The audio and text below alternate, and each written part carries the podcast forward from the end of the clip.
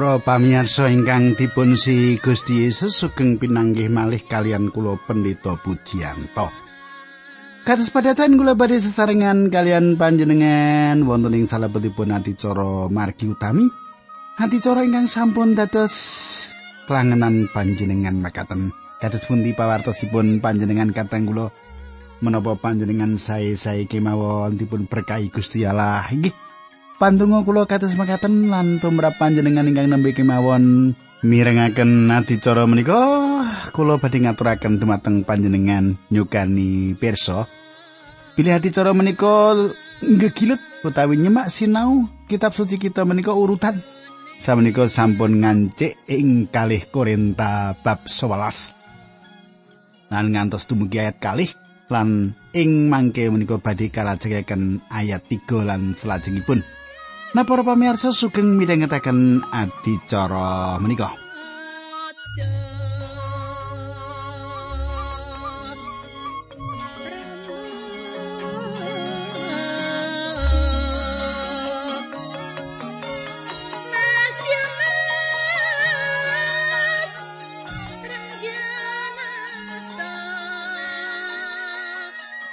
Para pamirsa kepengker kula sampun ngaturaken dumateng panjenengan bilih Paulus ngimutaken menawi kita badhe gumunggung kita kedah gumunggung wonten ing asmanipun Gusti. Lajeng kados pundi kita badhe semak sarengan nanging sadèrèngipun menika kita ndedonga rumiyin. Duh kanyang Rama ing swarga kawula ngaturaken gunging panuwun nayokda menika kawula saged tetunggilan kalian sedherek kawula malih. Lan kawula nyuwun supados Gusti berkahi lan Gusti mitulungi linambaran asmanipun Gusti Yesus Kristus kawula netunggal. Haleluya. Amin.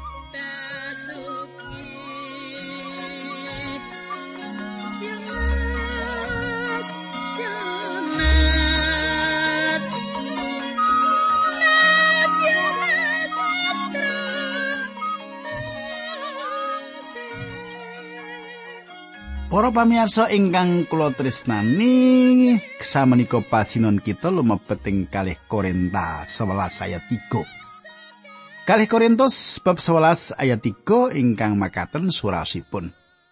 Nanging aku sumelang mbok menawa angen-angenmu kasasarake saka kasetyanmu kang sejati marang Sang Kristus, padha kaya ibu kawa kablithuk dening ula sarana kajuligani. Para pamirsa,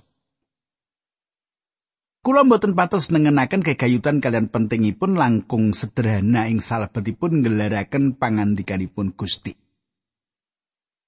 Kata sanget juru khotbah nem-neman hasil saking seminare ingkang nyobi nglatih intelektualipun. Kula nate mireng salah setunggal saking nem-neman menika ing satunggalipun wongan lan kula mboten saged ngaturaken menapa ingkang dipun sanjangaken sasampunipun kang 11 menit Kulo yakin nem-neman menika mboten mangertos menapa ingkang saweg dipun rembak. Menapa ingkang saweg dipun andharaken.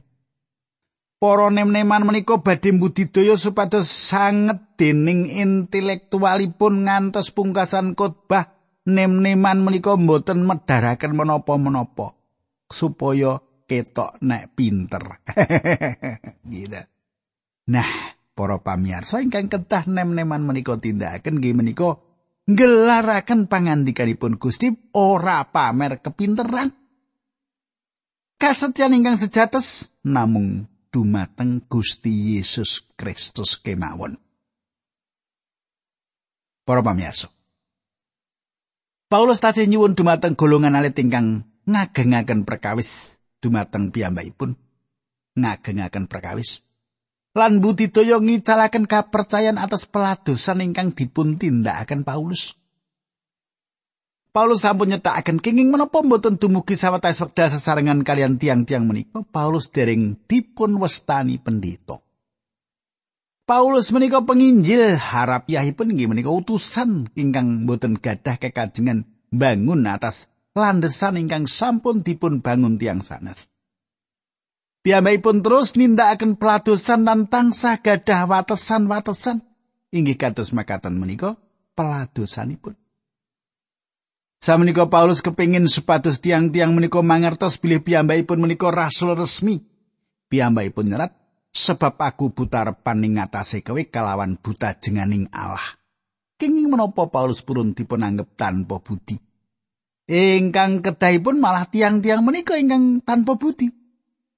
Sinaosa Paulus langkung remen ngrembak Sang Kristus dumateng tiang-tiang menika ketimbang nelasaken wekdal kangge mbela badanipun piyambak ing mriki panci wekdalipun kangge mbela badanipun piyambak. Aku kondo kanthi kabodohanku. Maka ping-ping Paulus nyebataken perkawis menika ing pasal 11 menika. Ibu becike yen kowe padha sabar ing bab anggonku tanpa budi ing sawetara iku pancen kowe padha nyabari marang aku ing salebetipun ayat setunggal ndak baleni meneh aja ana wong kang ngarani aku tanpa budi dene menawa kowe uga nganggep mengkono aku tampan ana kaya dene wong kang tanpa budi supaya aku bisa gumunggung sawetara Para pamirsa ing salebetipun ayat 16 menika serat makaten. Paulus meratelaken perlu kangge piyambakipun kangge mbelani badan piyambak. Kangge sanjang tanpa budi. Tembung Yunani ingkang dipun jarwaken tanpa budi utawi ketul. Leripun saged gendeng utawi goblok utawi komengson. Harapiahipun inggih menika kecalan akal tanpa tujuan. Paulus meratelaken bilih nelasaken wekdal ing salebetipun bela badanipun piyambak menika leripun kecalan akal. Awit menapa ingkang dipun tindakaken menika mboten gelaraken Injil. Perkawis menika mboten biyantu tujuan peladosanipun nanging piyambakipun rumaos bilih mbela badanipun piyambak kedah dipun tindakaken kangge lumawan golongan ingkang kritik piyambakipun ing Korintus. Inggih menika alasanipun Paulus nyuwun supados tiang-tiang menika sabar atas anginipun bodho menika dados bodho tanpa budi panci nyakitaken piyambakipun nanging piyambakipun nindakaken menika supados saged mbelani kalenggahanipun minangka jejeripun rasul. Para pamirsa, kita ningali pendamelanipun iblis sing salebetipun sedaya kahanan ingkang dumados ing Korintus menika.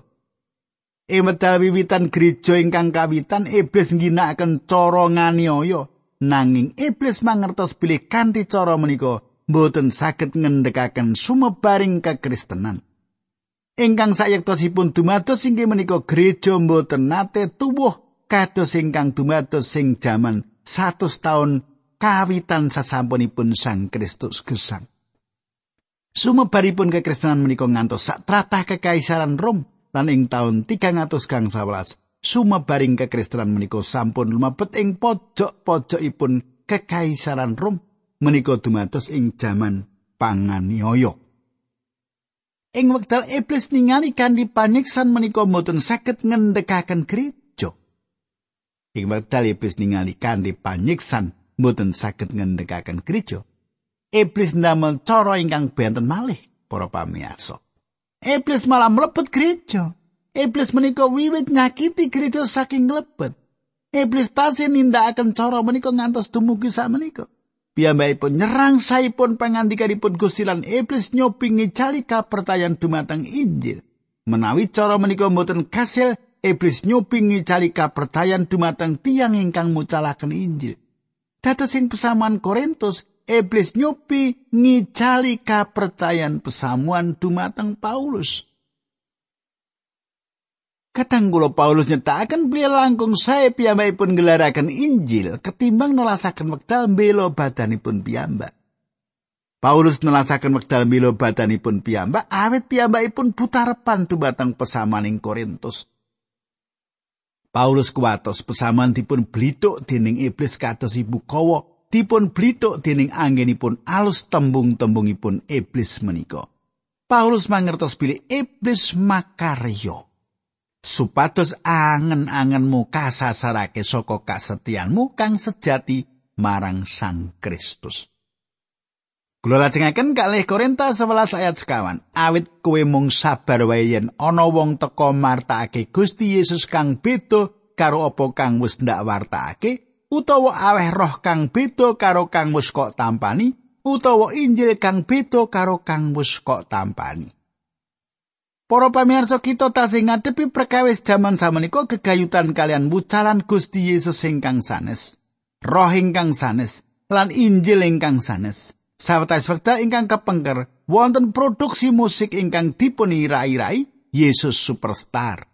Musik menika nampik sifat kealahanipun Gusti Yesus lan ngetingalaken Yesus ingkang boten nate gesang. Inggih menika Yesus saking golonganipun liberalisme ingkang ngagem rasukan ingkang inggal lan Yesus liberalisme menika mboten nate wonten.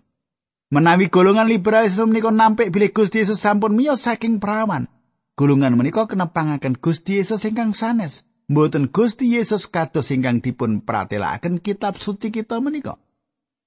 Menawi golongan menika mboten pitados bilih Gusti Yesus damel mukjizat, golongan menika gadah Yesus ingkang benten ing pikiranipun. Awit Gusti Yesus ing salebetipun Injil inggih menika panjenenganipun ingkang damel mukjizat. Inggih panjenenganipun ingkang sedo kangge dosa-dosanipun jagat. Lan perkawis menika golongan menika mboten purun nampi. Golongan menika nampik Gusti Yesus ingkang wungu saking sedo. Golongan menika nampik panjenenganipun minangka jejeripun Allah lan minangka jejeripun manungsa. Nanging keyakinan kina meratelaken panjenenganipun menika Gusti Allah sejatos lan manungsa sejatos. Menawi perkawis menika mboten dipun tampi, pramila wonten Gusti Yesus ingkang benten. Ayat kang sak. Kali Korintus 11 ayat kang sak. Nanging manut panemuku setitik wae aku ora kalah karo rasul-rasul kang pinunjul iku. Para pamirsa kula badhe mbobot Paulus minangka salah satunggal rasul. Piyambakipun meratelaken bilih piyambakipun boten kawon kalian rasul-rasul ingkang pinunjul. Paulus gadah kekajengan tiang-tiang Korintus menika mangertos bilih piyambakipun menika rasul ingkang sami kalian rasul-rasul sanesipun. Namung awet piyambakipun pakaryanipun damel tendo lan awet saking anggenipun sabar sareh lan ginakaken sifat kamiranipun Sang Kristus mboten ateges piyambakipun mboten rasul. Panjenengan mangertos kados menapa mempeng anggenipun belani badan piyambak. Kula lajengaken ayat 16. Dadi aku cepet ing pamicara nanging ora mengkono ing bab kawruh. Awit iku saben-saben lan ing sadengao perkara wis padha ndak pratelakake marang kowe. Para pamirsa. Paulus menika tiang ingkang pinter. Nanging Paulus sing pamicaranipun ginakaken basa ingkang gampil dipun tampi. Mestinipun kedah mekaten, para abdi Gusti menika kedah budidaya saged ngginakaken basa ingkang gampil dipun tampi. Monggo kita nyalapaken roti menika ingkang gampil lari-lari mendet inggih basa sederhana menika ingkang dados caranipun Paulus nggelaraken Injil. Paulus meratelaken bilih piyambakipun menika cupet ing pamicara. Manut kula sejatosipun Paulus menika ngginakaken basa ingkang saged dipun mangertos dening pesaman Korintus. Manut kula cara ingkang dipun ginakaken Paulus dumateng pesaman Korintus radi kasar. Nanging Paulus menika tiyang ingkang pinter. Saking seratanipun kula saged mbobot piyambakipun bilih Paulus menika IQ-nipun paling inggil dibandingaken sedaya tiyang ingkang nate gesang. Para pamirsa, kita lajengaken ayat pitu wolu songo. Makaten surasipun. Apa aku kaluputan menawa aku ngasorake awakku dhewe kanggo ngluhurake kowe? Mergo aku martakake Injil Gusti Allah marang kowe tanpa pituas. Pasaman-pasaman liya wis dirampok sro nampani pitulungani supaya aku bisa ngladeni kowe. Karo maneh nalika aku ana ing tengah-tengahmu nandang kekurangan. Aku ora gawe rubeting wong, awit apa kang kurang wis dicukupi dening para sedulur kang teka saka ing tanah Makedonia. Ing samubarang perkara ndak jogo aja nganti dadi gawimu lan sateruse aku bakal mangkono Para pamirsa Paulus mboten badhe ngejaraken pesaman Korintus mbiyantu piyambakipun wonten ing perkawis menapa kemawon.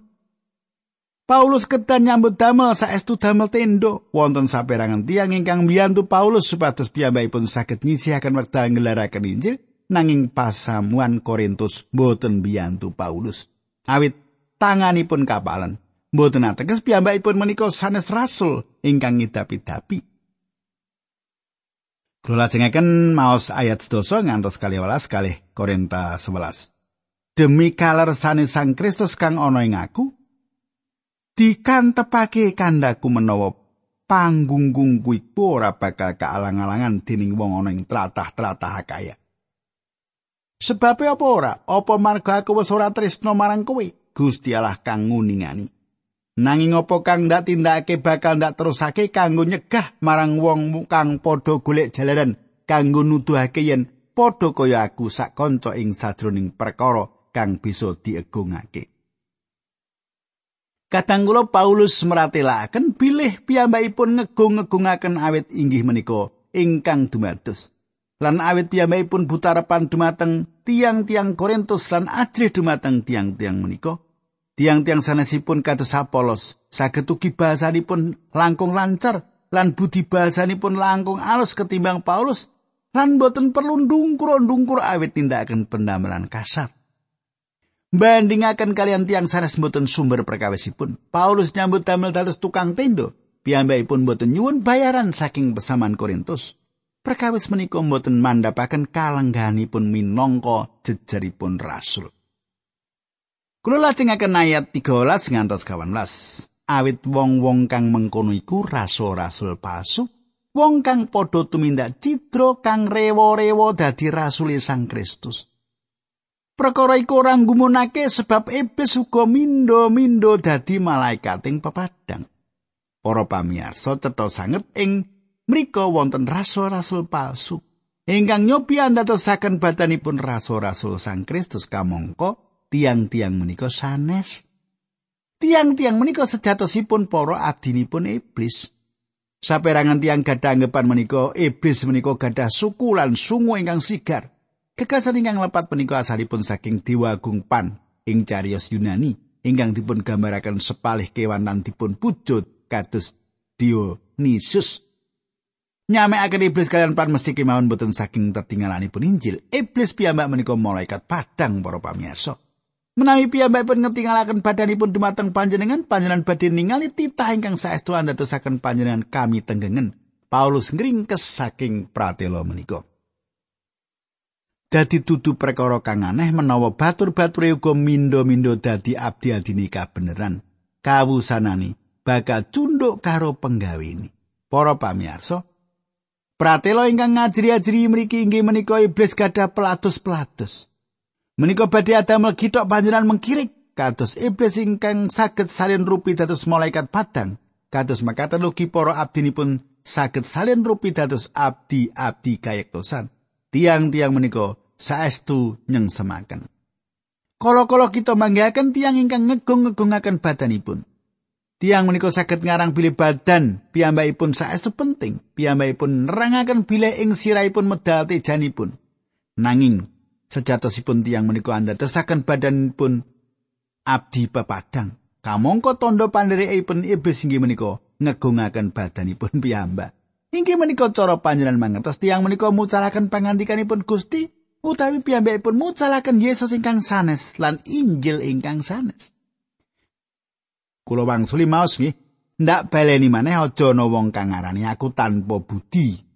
Dene menawa kowe uga nganggep mengkono aku tampan ana kaya dene wong kang tanpa budi supaya aku bisa gumunggung sawetara. Apa kang ndak kandhake iku nganggonku ngandhake ora kaya wong kang tratu manut pangandikane Allah. Nanging kaya dene wong kang tanpa budi kang duweni kayekten menawa bisa ngalembono Para pamirsa Paulus meratelaken bila piyambakipun kedah kesah ing salebetipun tanpa budi menika lan tiang-tiang menika kedah nganut kekajenganipun Paulus ing perkawis menika. Kula lajengaken ayat 18 19. Awit akeh wong kang nglairake panggunggung cara kadagingan aku kepengin ngalembon uga sebab kowe padha gelem nyabari wong kang tanpa budi merga kowe iku padha pinter. Paulus ing mriki sekedhik nyemoni seru secara kasukman. Ayat kali dosa. Awet kowe sabar menawa ana wong nganggep kowe batur tukon, menawa ana wong meres kowe, menawa ana wong ngereh kowe, menawa ana wong ngetokake gumunggungi marang kowe, menawa ana wong napuk kowe. Para pamirsa ing mriki Paulus ngimutaken kanthi keras dumateng pesaman Paulus meratelaken. Tiang saged kemawon nadengi tiang-tiang menika. Mangsulaken kebawa angger-angger Torat, tiang menika saged gesang ing tengah-tengahipun tiang-tiang menika ngunggulaken badanipun piyambak. Ngebaki pesaman menika lan pesaman badhe tahan nampi sedaya menika. Pesaman menika badhe nampi kapatrapan kados makaten saking guru palsu. Zaman menika kita badhe lumebet ing perangan ing mriki nggambaraken gesangipun minangka abdinipun Injil. Kula keni kula sampun jegur ing peladosan sawetawis taun nanging wekdal kula maos menapa ingkang dipun lampahi Paulus kula sadar bilih setanganipun menika kula dereng saestu-estu. Kula dereng dados abdi sejatos Sang Kristus kados Paulus. Kali Korintus 11 ayat keselikur ngantos kali likur. Aku kudu ngakoni kelawan isin banget. yen ing bab kang kaya mengkono iku aku kabeh padha apes.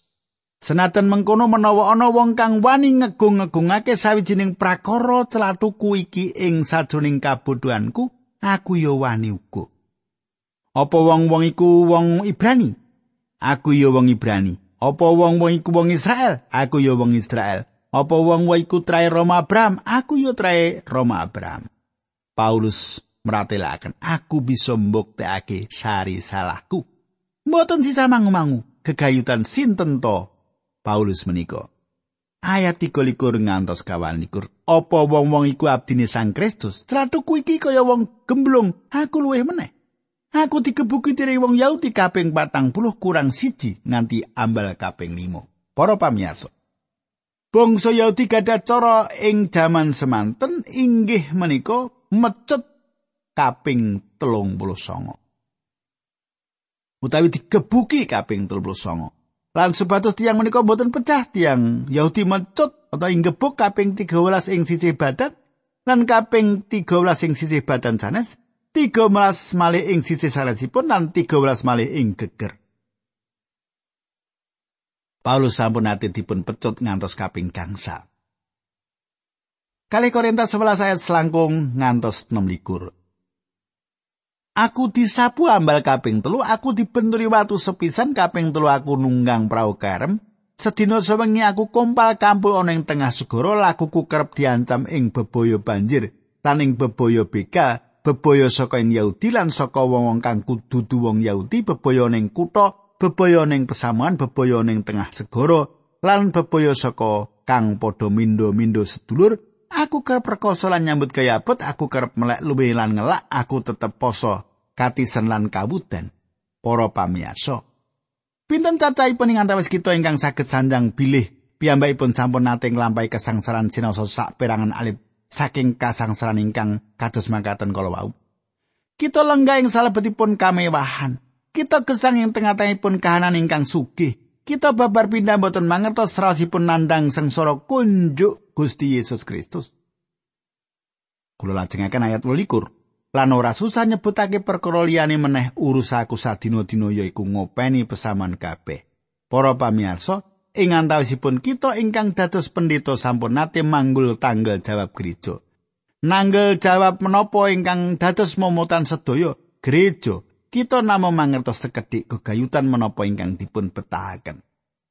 Ayat 29 ngantos 31. Yen ana wong rumangsa apes, apa aku ora rumangsa melu apes? Yen ana wong kesandung, apa atiku ora remuk dening sedih? Menawa ana perune aku kudu gumunggung, aku bakal gumunggung ing bab kaapesanku. Gusti Allah ramani Gusti Yesus Gusti kita kang pinuji nganti selawas-selawase pirsa menawa aku ora goro. Para pamirsa, Paulus meratelaken yaiku pelaporanku minangka jejeri abdine Gusti Yesus Kristus. Ayat tigang dosa kali ngantos tigang dosa tiga. Ana ing kutha Damsik wali negarane Sang Prabu Aristas ndawake njogo kutane wong-wong dansi kersane nyepeng aku nanging aku kaudunake nganggo keranjang metu ing cendilo menyang sak njabane baluwarti temah aku oncat saka ing astane. Para pamirsa kados menapa isinipun dipun andhapaken ngangge keranjang? Isin. Limrahipun menawi pendeta badhe rapat utawi konferensi Alkitab panitia badhe madosaken papan nyipeng ingkang sae lan dipun ladosi kanthi sumana ditampi kanthi kinormatan Panjenengan bayangaken Paulus ingkang dipun andhapaken medal tembok kita ngangge keranjang supados saged wilujeng saking tiang-tiang ingkang badhe mejahi. Paulus nindakaken sedaya menika demi Yesus. Kadang kula ampun ngantos ngegung-ngegungaken menapa ingkang panjenengan sandang kunjuk Sang Kristus.